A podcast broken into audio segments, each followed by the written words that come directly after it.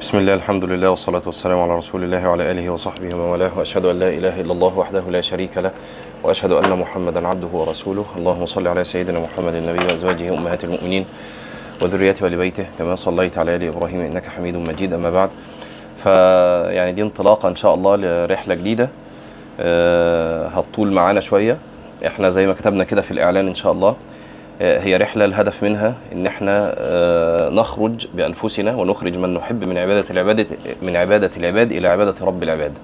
والكلمة قد يعني تبدو ضخمة بعض الشيء لكن هو ده الواقع اللي الناس عايشة فيه دلوقتي يا جماعة. إذا كان زمان كنا بنتكلم في أنواع معينة من ال- العبودية التي تكون لغير الله عز وجل ففي أنواع جديدة ظهرت من تلك العبوديات والعجيب أن النبي صلى الله عليه وسلم أشار إليها في آه، آه، حديث. قال صلى الله عليه وسلم تعس, عبد الدرهم تعس عبد الدينار تعس عبد آه، آه، القطيفة تعس عبد الخميصة آه، تعس عبد الخميلة. دي كلها ألفاظ وردت في الحديث.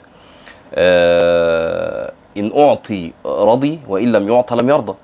إن أعطي رضي وإن لم يعطى لم يرضى. يبقى دي ده وصفه. إنه إذا أعطي رضي وإذا لم يعطى لم يرضى.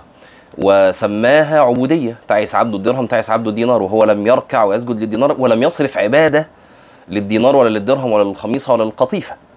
انتبهوا يا جماعة. يبقى هنا العبودية بمعنى معنى آخر معنى إنه بقى صار ذليلا لهذه الأمور. ذليل لل... لل... للقطيفة للخميصة للخميلة. والعجيب يا جماعة إن دي أنواع من أنواع الث- الثياب مختلفة في أمور. طب ليه النبي صلى الله عليه وسلم وهو الذي أوتي جوامع الكلم؟ يذكر انواعا من ال من ال من الثياب. وكأنه والله أعلم بيشير إن أنت ممكن تكون عبد لنوع من هذه الأنواع. آه، يعني ما- قال تعس عبد الثوب. لا ده كأنه بيتحرى نوعا بعينه. ده عبد لل... لل... للقطيفة. ده عبد للخ... للخميلة. ده عبد. لل... آه، للخميصة. آه، ف وده موجود الآن. العبد للموضة. تلاقيه الموضة السنة دي البنطلون اللي شكله مش عارف إيه يجري يشتريه. السنة اللي جاية ال- الموضة بقت بنطلون تاني نوع تاني من ال من ال أو شكل آخر يجري يشتريه وهو عنده في دولابه بدل البنطلون واحد واثنين وثلاثه وأربعة صار عبدا للموضة. آه ال- اللطيف يا جماعة إن إحنا وإحنا بنبدأ هذه السلسلة نسأل الله عز وجل إن يبارك فيها.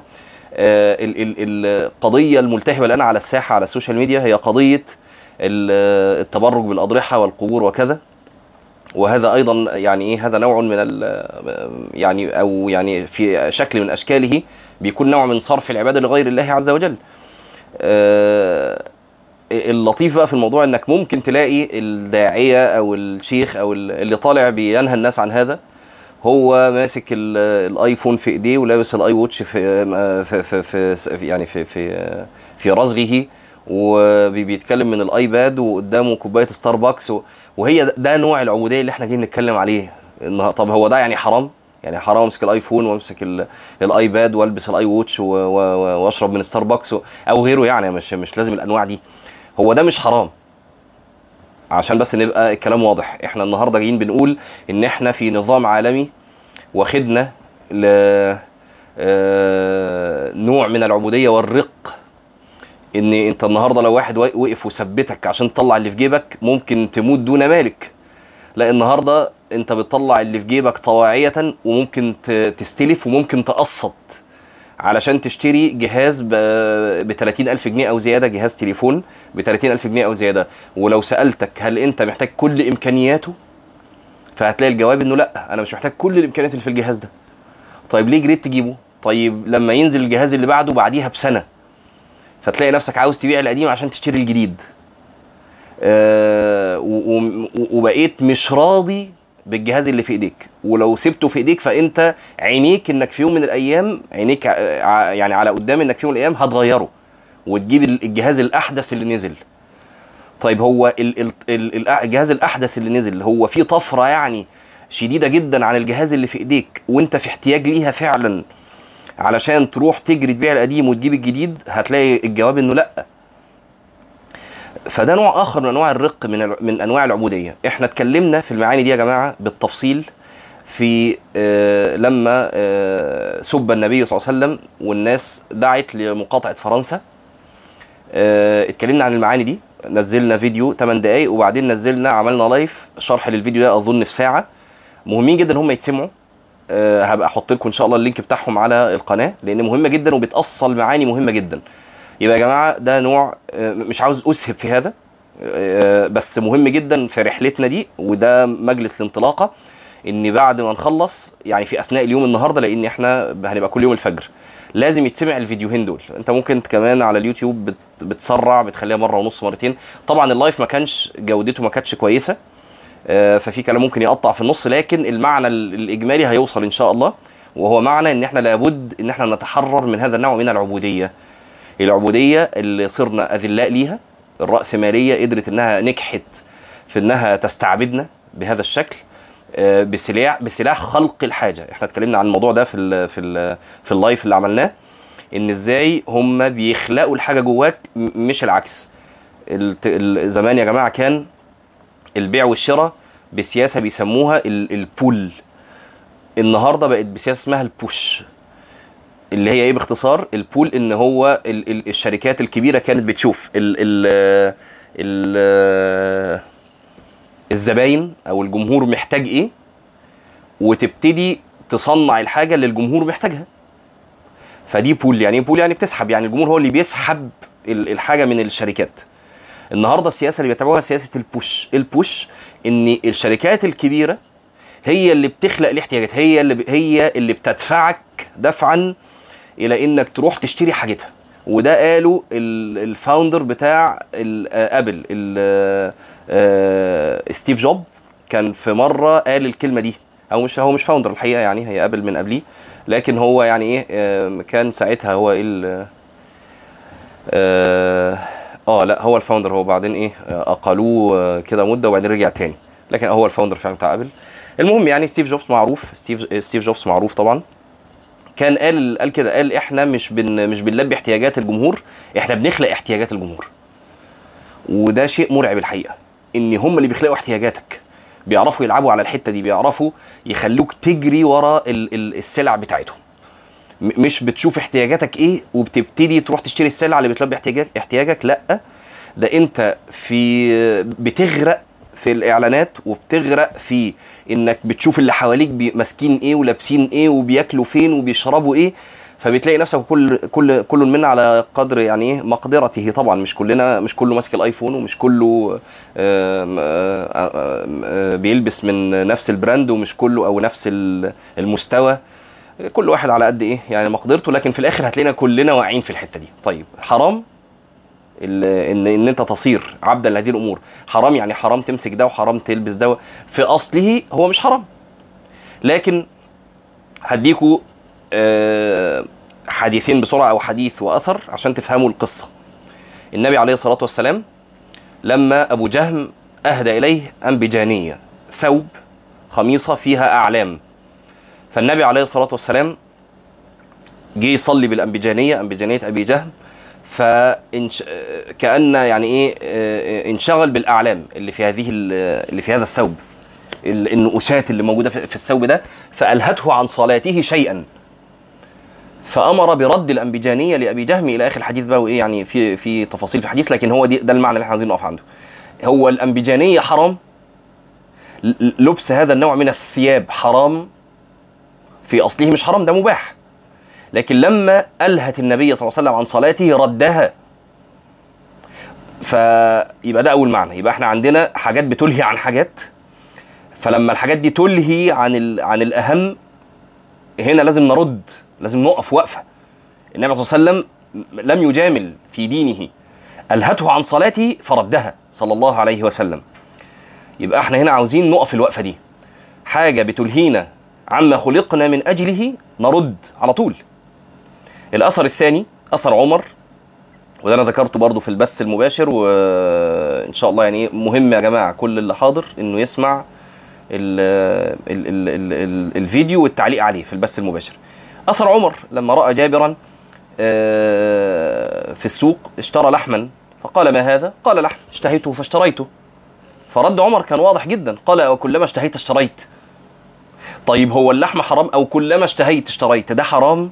في اصله مش حرام إن كل ما اشتهي حاجة اشتريها خلاص هو الفلوس حلال واشتريت الحاجة اللي اشتريتها حلال الأصل إن ده مش حرام. طب ليه ينكر عمر رضي الله عنه؟ لأنك هتصير عبدا لمث... ل... ل... ل... خلاص أنت كل ما هتشتهي هتشتري. طب فين بقى آه، إمتى هتجاهد نفسك؟ إمتى هتربي نفسك إن لأ ما, ما ينفعش لأ؟ عمر يا- رضي الله عنه- رضي الله عنه يقول تمعددوا واخشوشنوا. آه، تمعددوا نسبة إلى معاد بن عدنان. قوم حياتهم كانت فيها نوع خشونة. تمعددوا واخشوشنوا. فإن فإن النعمة لا تدوم ده اللفظ المشهور وإن لم يصح بهذا اللفظ. لكن تمعددوا واخشوشنوا صح هذا اللفظ. خلاص؟ آه، حديث النبي عليه الصلاة والسلام العجيب بقى يا جماعة. حديث النبي صلى الله عليه وسلم تعس عبد الدرهم تعس عبد الدينار تعس عبد الخميصة تعس عبد القطيفة تعس عبد الخميلة. روايات. إن أعطي رضي وإن لم يعطى لم يرضى. آخر الحديث بقى عجيب جدا. آخر الحديث عجيب. ده أول الحديث. تعس عبد الحاجات دي. اللي هو صفته إيه؟ إن أعطي رضي وإن لم يعطى لم يرضى. آخر الحديث طوبى لعبد آخذ بعنان فرسه في سبيل الله. أشعث رأسه مغبرة قدماه.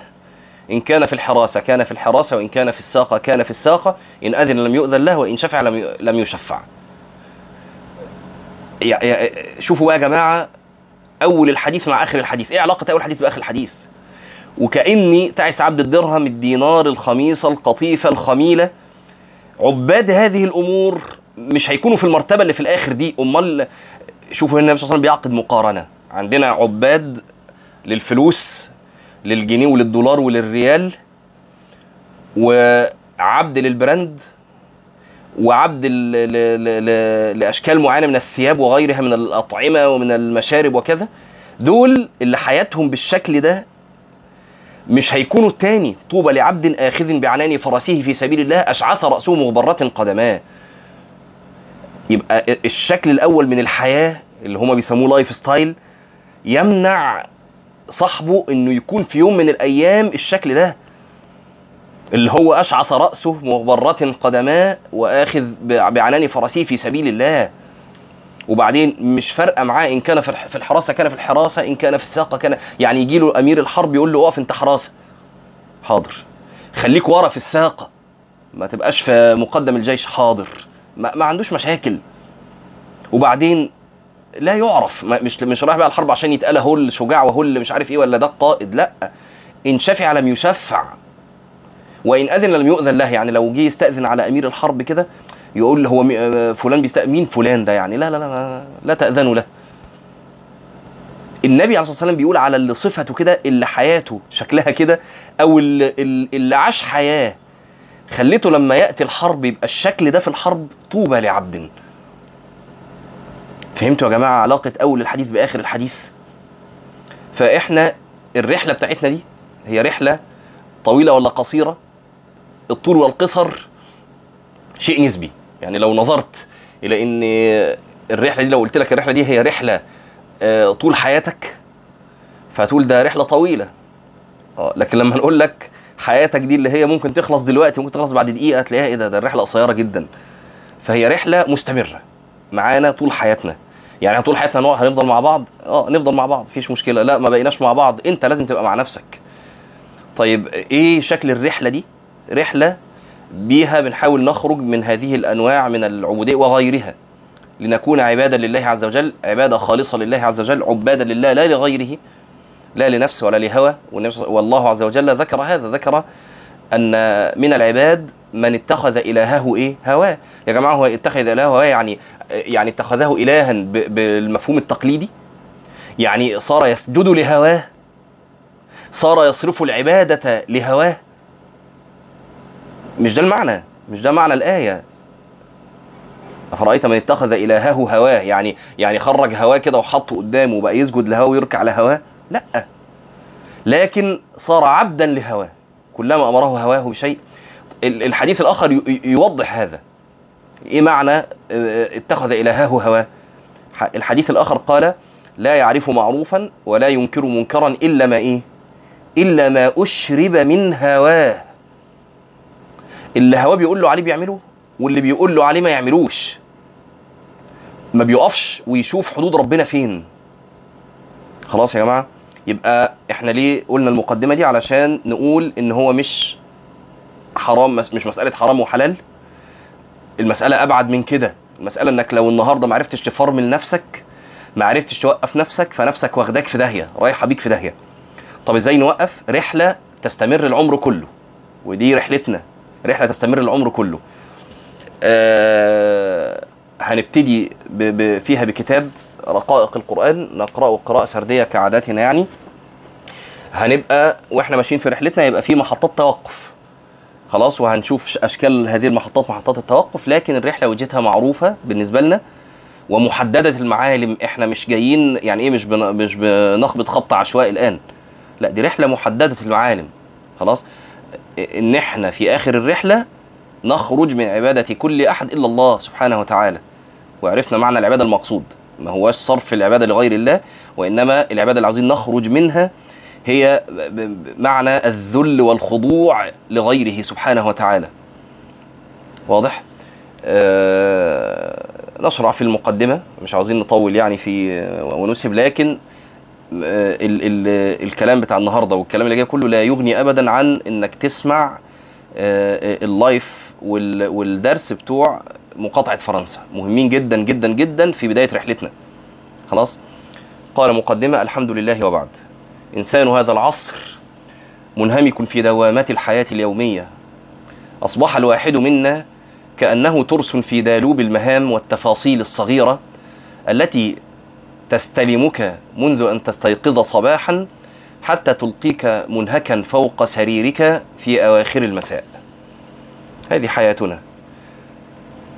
دوام مضن يعني الشغل ورسالة جوال وبريد إلكتروني وتعليق فيسبوكي وخبر تويتري ومقطع يوتيوبي وتنقل بين الفضائيات وصراخ منبهات في طرق مكتظة وأعمال مؤجلة كلما ذكرتها قرصك الهم. والتزامات اجتماعية آخذ بعضها بركاب بعض إلى آخره. هل نظم الاتصالات المتقدمة هذه مشكلة؟ لا قطعا. بل هي نعمة من الله يجب تسخيرها فيما يرضيه. لقد جنينا منها الكثير. نعم ربحنا لكن لا أدري أشعر أننا خسرنا الصفاء. صفاء الذهن وخلو البال والتأمل الرقراق حين يتطامن السكون من حولك. حين يكون الإنسان في فلاه من الأرض وتناديه عشرات الأصوات تتناهشه من كل جهة فإنه لا يزداد إلا تيها وذهولا وأرانا ذلك الرجل الذاهل. بين ضجيج المدينة المعاصرة أو بين ضجيج المدنية المعاصرة. وخصوصا إذا انضاف إلى ذلك أنماط الترفيه التي غزت حياتنا والاسترسال في السهرات مع الأصدقاء في استراحات الضياع. ومن أفظع نتائج هذا الانهماك المضني في تروس المدنية المعاصرة تلك القسوة التي تدب إلى القلوب فتستنزف الإيمان وتفزع وتف... فتستنزف الإيمان وتفزع السكينة الداخلية حتى صارت شكوى شائعة. ال... فين إيماننا؟ فين السكينة؟ مش. مش حاسين بسكينة ولا حاسين بطمأنينة ولا. ألم يحل لنا أن نستقطع وقتا نهرب فيه من هذا التطاحن المعاصر لنعيد شحن أرواحنا بنسيم الإيمان؟ ألم يأن لنا أن نرقق قلوبنا بالقرآن. وكونه ولذلك يا جماعة إحنا اخترنا هذا الوقت وقت الفجر. إحنا عاوزين ثله معينة آه، لها شكل معين وطريقة حياة معينة وعلشان كده اخترنا الوقت ده. آه، وقت ممكن يكون صعب شوية بالذات في الصيف الفجر بدري بننام متأخر. آه، بس محتاجين نكون منتبهين يا جماعة في الدرس ده علشان نخرج بأكبر استفادة. آه، بلاش نبقى بنسمع الدرس وإحنا نايمين وإحنا متكئين. خلينا قاعدين قعدة الدرس كأنك قاعد في مجلس في مجلس علم. ابعد عن أي شواغل ابعد عن ال ال الإشعارات بتاعة تليفونك هاتفك. اقفل الفيسبوك لو بتسمع في الخلفية وفاتح فيسبوك ولا فاتح واتساب لا لا اقفل كل ده علشان عشانك انت عشانك انت.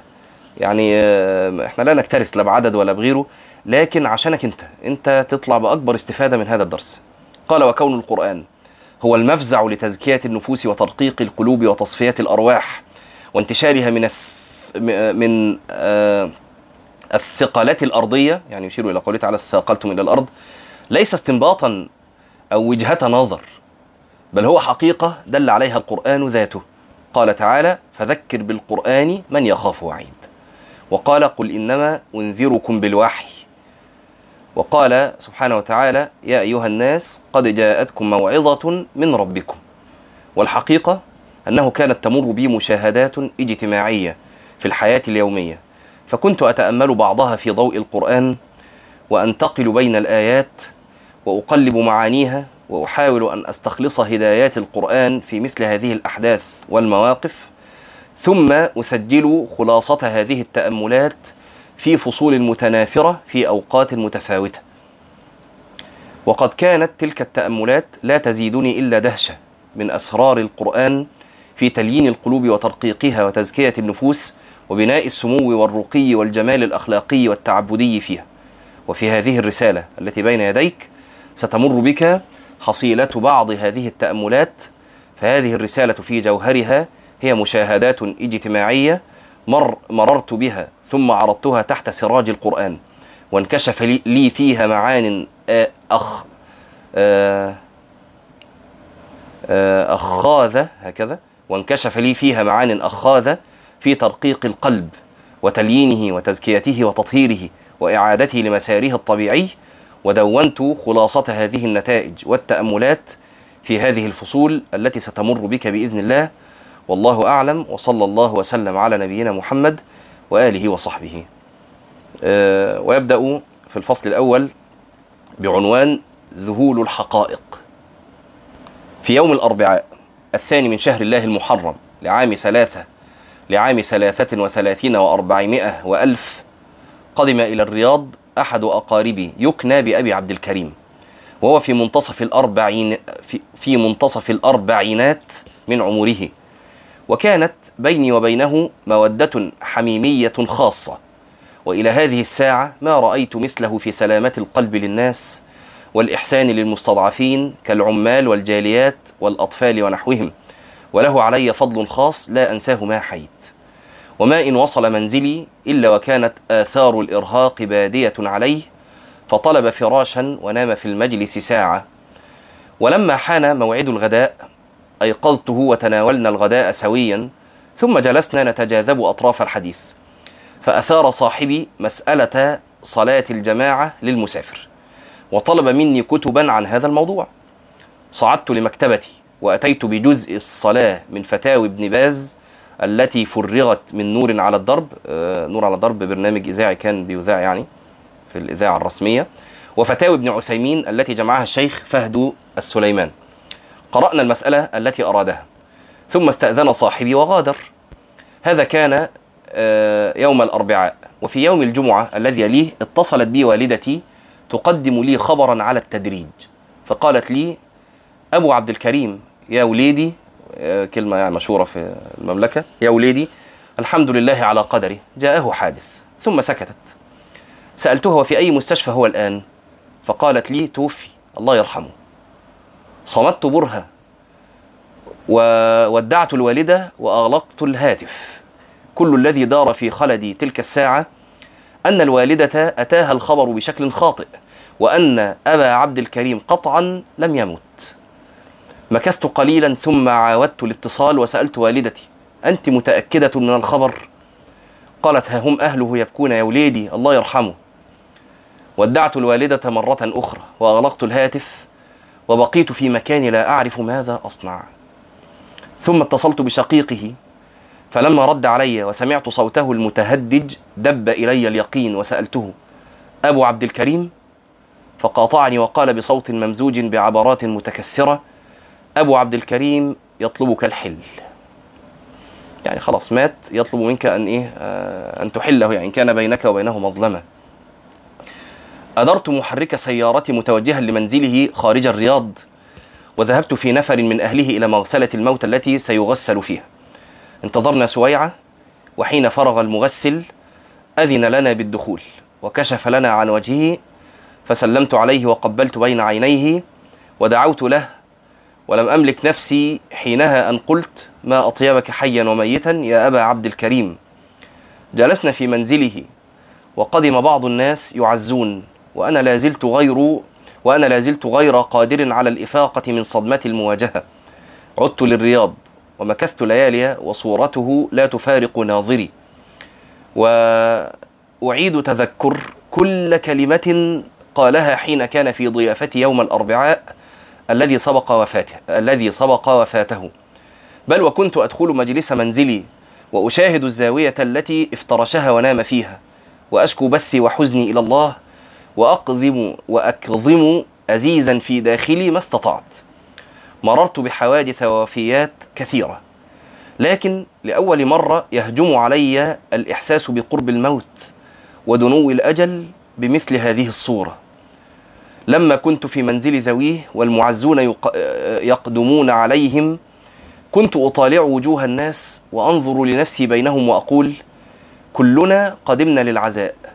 وغالبنا يظن أن المصيبة مصيبة غيره ونسي أن هناك ساعة سجلت لكل واحد منا سيغادر فيها هذه الحياة وسيغسل ويوضع في كفنه ويوسد لحده وتصف اللبنات فوقه ويهال عليه التراب وينصرف الناس عنه. من الناس من سيموت في هذا الشهر. ومنا من سيموت قبيل رمضان هذا العام ولن يدركه. ومنا من سيدرك سنة أو سنتين أو ما زاد على ذلك ولكنها النهاية المحتومة. وأنا أقول لكم ومنا من سيموت الساعة ومنا من سيموت الآن. إن لم يكن منا يعني في هذا المجلس فقطعا في هذا العالم في حولنا من سيموت الآن. من مات؟ وأنا بتك... وأنا بقول الآن من. هناك من مات. وأنت لا تدري متى تكون ساعتك. ساعة مكتوبة قريبة منا آه، قريبة منا سنغادر فيها هذه الحياة. هذه الساعة التي تم تحديدها قبل أن تخلق السماوات والأرض بخمسين ألف سنة ثم كتبها الملائكة الكرام في التقدير العمري حين كان الإنسان جنينا عمره أربعة أشهر. نحن نسير إليها الآن بالعد التناقصي. يا جماعة آه، يعني أتعجب جدا من مسألة أعياد الميلاد. وناس كتير تسأل عن حكم عيد الميلاد وبدعة ومش بدعة وحلال وحرام. ودعكم من هذا كله في معنى عجيب جدا. أنا أنا دلوقتي هقول لكم صورة و... و... وحاولوا تعيشوها يعني. لو كنا لما بنتولد. بيولد معنا شيء معين أو بيأتينا خبر معين بشكل معين من السماء إن عمرك قد كده. يعني تخيل هذا المشهد. انك لما بتتولد بتتولد وانت عارف هتموت إمتى. يعني مثلا فلان الفلاني انت باسمك اهو. انت اتولدت وانت عارف انك هتموت وانت عندك خمسين سنة وثلاث شهور واربع أيام مثلا. عيش المعنى ده أنا مش عاوز أكمل القصة بس عيش المعنى ده. طيب انت دلوقتي عندك عشرين سنة وبقيت واحد وعشرين سنة هتبقى فرحان وعاوز تعمل عيد ميلاد؟ انت واخد بالك من المعنى؟ انت معنى انك عمال تقرب للموت. انت انت ده انت شايف انت شايف عمرك كده دلوقتي. عيد ميلاد إيه ولا فرح إيه اللي هفرح بيه ان أنا بقى عندي 21 سنة و22 سنة و23 سنة وأنا عارف ان هموت 25 سنة؟ فرحان بإيه؟ عشتوا المعنى ده يا جماعة؟ طب ما هو ده اللي إحنا عايشين فيه. ما هو انت هو انت لازم تبقى عارف انك هتموت 25 سنة ولا 26 سنة ولا 30 ولا 34 ما انت في لحظة هتموت فيها وكل سنة بتمر عليك هي بتقربك من الموت هو ده المعنى اللي, اللي الكاتب بيقوله. نسير إليها الآن بالعد التناقصي. كل سنة بتكبرها أنت بتقرب لموتك. فإذا كان العام الماضي يفصلنا عنها ثلاث سنين. يعني العام الماضي بيفصلنا عن هذه اللحظة المحتومة ثلاث سنين فقطعا اليوم يفصلنا عنها سنتين ده قطعا بلا شك. إمتى اللحظة مش عارفين. لكن أنت السنة اللي فاتت طالما أنت جت عليك السنة دي طبعا كان ممكن السنة اللي فاتت كان بقالك شهر بس كان زمانك مت خلاص لا. طالما جت عليك السنة دي فأنت السنة اللي فاتت كانت بتفصلك عن اللحظة دي ثلاث سنين. السنة دي بتفصلك سنتين. وهكذا نحن نقترب كل دقيقة من هذه اللحظة الحاسمة للانتقال للدار الآخرة. والمسكن الأبدي. هذه الحقيقة الكبرى كيف غفلت عنها طوال هذه السنوات وكيف يغفل كثير من الناس عنها. الكثير من الناس يعرف هذه الحقيقة معرفة نظرية عقلية بحتة لكنه لم يعيشها يقينا قلبيا غامرا يستحوذ على تفكيره. ويا جماعة آه هذه أول الرسائل بقى اللي إيه بنبثها. إحنا يا جماعة الدرس ده أو مجالس القراءة دي ما هياش مجالس علشان نحصل علما نظريا. وإلا يعني يعني المسألة اللي بنتكلم فيها دي هو حد اتفاجئ بيها يعني؟ يعني مثلا إحنا دلوقتي أهو اللي حاضرين الدرس حد منا متخيلين قال إيه ده صحيح؟ ده ده إحنا هنموت؟ أكيد لأ. يعني كلنا عارفين إن إحنا هنموت. لكن دي ما هياش رسالة هذا المجلس. رسالة المجلس إن إحنا نعيش هذا المعنى. مش نعرف هذا المعنى. وإلا فكلنا عارفين المعنى. طب إحنا هنعيش المعنى بمجرد الكلمات القليلة اللي إحنا قريناها دي؟ ومنا اللي نعسان ومنا اللي بيجاهد نفسه جزاه الله خيرا إنه يكمل الدرس لاخره ومنا اللي أصلا نايم دلوقتي وهو بيسمع ومنا اللي منتبه حتى اللي منتبه. ومنا اللي اتاثر بالكلمات دي. هل هنعيش المعنى ده بمجرد هذه الكلمات؟ لا برضه. إحنا محتاجين نكثر من إن إن إحنا يعني إيه نعرض قلوبنا لمثل هذه الكلمات لمثل هذه الهزات العنيفة. ولذلك النبي صلى الله عليه وسلم كان كلامه واضح وحاسم. ما قالش آه، اذكروا الموت. النبي ما قالش كده عليه الصلاة والسلام. كلام واضح. اكثروا من ذكر هذه من اللذات ما قالش اذكروا الموت. قال اكثروا من ذكر. ليه؟ لأن النبي صلى الله عليه وسلم أعلم بقلوبنا. قلوبنا مش هتعيش صح ومش هت هيؤثر فيها ذكر الموت مرة وشكرا. أكثروا من ذكر هذه هذه اللذات خلاص؟ وإمتى بقى تذكر الموت؟ حاول تذكر الموت كده في عز ما أنت عايش حياتك. يعني في الفسح في في الخروجات اللي, اللي اللي خدتك وتحس كده إنك اتخطفت بقيت في في الدنيا. اذكر الموت. خلاص؟ آه، لم يذكر في كثير إلا قلله. ومن أعاجيب النفوس وما يمور فيها من الأحاسيس أن بعض الناس يكره ذكر الموت. طيب نقف هنا. آه آه ون- ونكمل غدا إن شاء الله. أقول قولي هذا وأستغفر الله العظيم لي ولكم. سبحانك اللهم وبحمدك. نشهد أن لا إله إلا أنت. نستغفر